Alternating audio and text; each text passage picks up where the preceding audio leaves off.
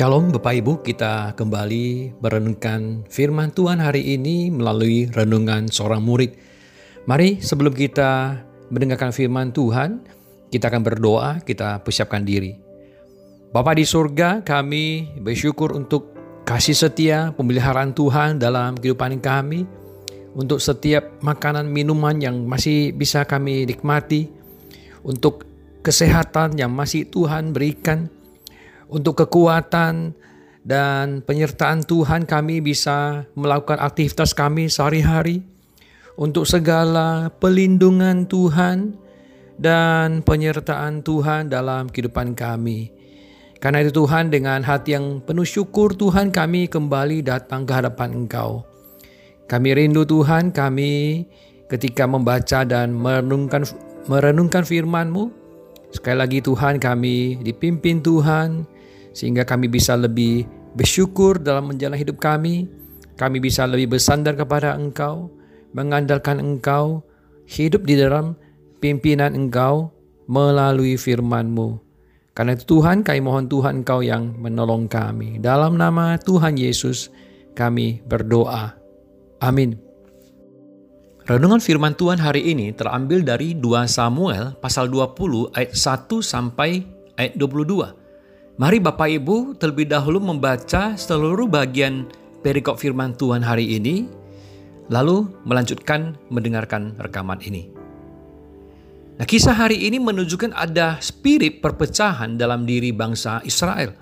Kalau ditarik ke kisah sebelumnya, maka kita bisa melihat benih perpecahan itu sebenarnya sudah ada, yaitu ketika peristiwa Absalom anak Daud yang didukung oleh 10 suku Israel memimpin gerakan untuk mengkudeta Daud.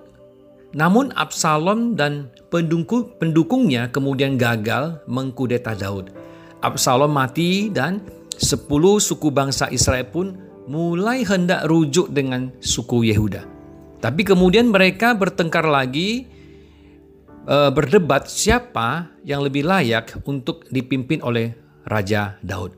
Sepuluh suku Israel merasa lebih layak karena jumlah mereka lebih banyak. Sementara suku Yehuda merasa lebih layak juga karena Daud adalah keturunan suku Yehuda. Nah, kita bisa melihat bibit per, per, perpecahan itu begitu melekat dalam diri mereka. Oleh karena itu, tidak sulit bagi seorang yang bernama Seba menghasut sepuluh suku bangsa Israel untuk memberontak kepada Daud. Padahal siapakah Seba? Ayat 1 mengatakan, kebetulan ada di sana seorang Dursila bernama Seba. Itu artinya Seba bukan orang penting yang hebat. Dia hanya kebetulan muncul. Tapi dia bisa begitu mudah menghasut dan memprovokasi sepuluh suku bangsa Israel memberontak dan mengikuti dirinya. Nah kenapa bisa terjadi demikian? Karena spirit perpecahan yang terus melekat pada diri bangsa Israel itu membuat mereka itu mudah diprovokasi. Bara perpecahan itu sudah ada. Seba hanya tinggal mengipas bara tersebut menjadi api yang semakin membesar.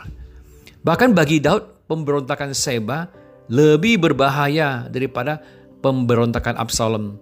Tapi bukan karena kehebatan Seba, melainkan spirit perpecahan yang semakin menjadi-jadi dalam diri bangsa Israel. Nah, selain spirit perpecahan, masalah yang dihadapi Daud adalah spirit ketidaktundukan. Ayat 4 menyebutkan bahwa Daud mengutus Amasa untuk pergi menangkap Seba. Dan ayat 6, Daud juga mengutus lagi Abisai karena Amasa terlalu lambat melaksanakan perintah raja. Raja Daud tidak mengutus Yoab karena mempertimbangkan Amasa dan Abisai lebih tunduk pada otoritas daripada Yoab. Yoab menunjukkan ketidaktundukannya kepada Daud ketika dia membunuh Abner dan Absalom. Dan kali ini dia juga menunjukkan ketidaktundukannya ketika dia membunuh Amasa. Amasa adalah panglima yang dia akan angkat Daud dan diutus untuk pergi menangkap Seba.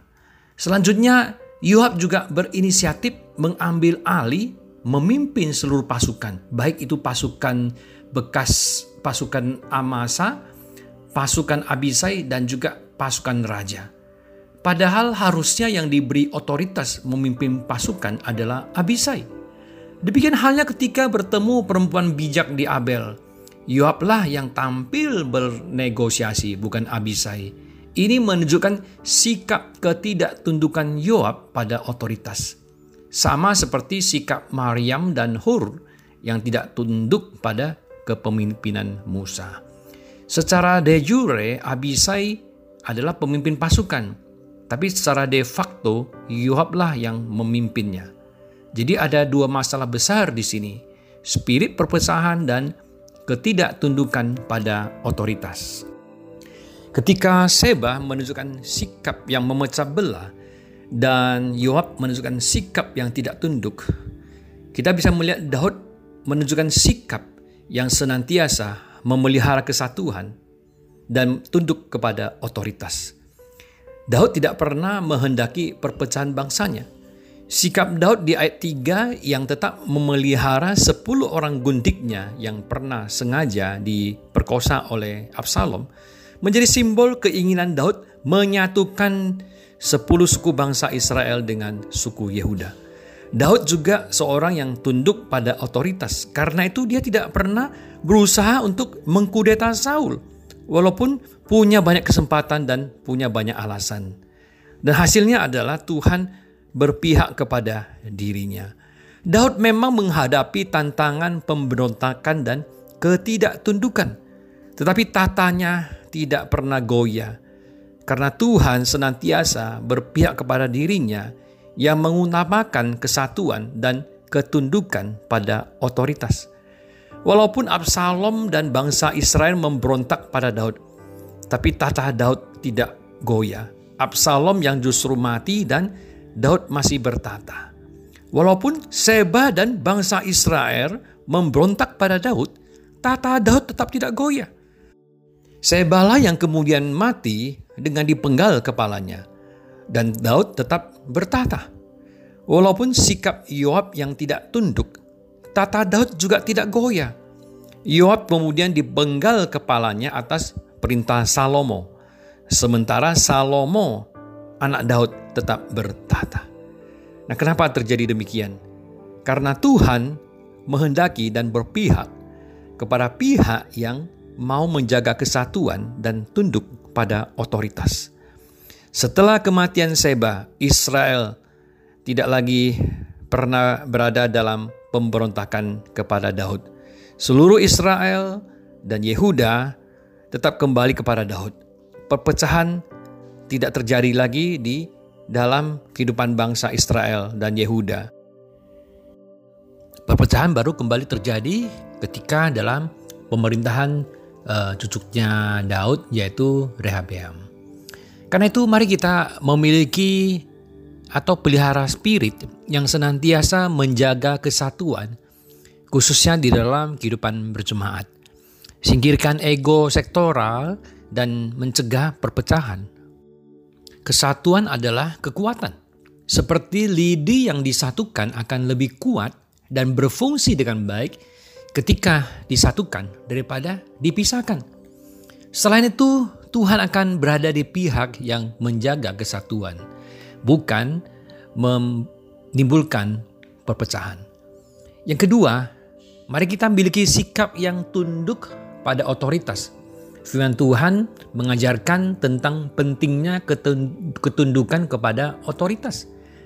Istri tunduk pada suami, anak tunduk pada orang tua, rakyat tunduk pada pemerintah, karyawan tunduk pada atasannya, jemaat juga tunduk kepada pemimpin rohaninya. Ibrani 13 ayat 17 mengatakan, Taatilah pemimpin-pemimpinmu dan tunduklah kepada mereka, sebab mereka berjaga-jaga atas jiwamu sebagai orang-orang yang harus bertanggung jawab atasnya. Tentu maksud ketundukan di sini dalam pengertian ketundukan yang tidak bertentangan dengan firman Tuhan. Mari kita belajar tunduk pada aturan pemerintah. Mari kita belajar tunduk pada aturan di tempat kerja kita. Mari kita belajar tunduk kepada aturan di dalam kehidupan bermasyarakat. Mari kita belajar tunduk di dalam kehidupan berjemaat di gereja. Amin. Mari kita masuk dalam doa. Bapa di surga, kami bersyukur untuk firman Tuhan hari ini yang kembali mengingatkan kami untuk senantiasa menjaga kesatuan di dalam kehidupan kami berkeluarga, di dalam kami kehidupan berjemaat, di dalam kehidupan kami bermasyarakat, dan juga menjadi seorang yang uh, bisa tunduk kepada otoritas. Kiranya Tuhan berikan kami kerendahan hati untuk terus belajar, dan untuk terus tunduk kepada firman Tuhan. Terima kasih Tuhan dalam nama Tuhan Yesus kami berdoa. Amin.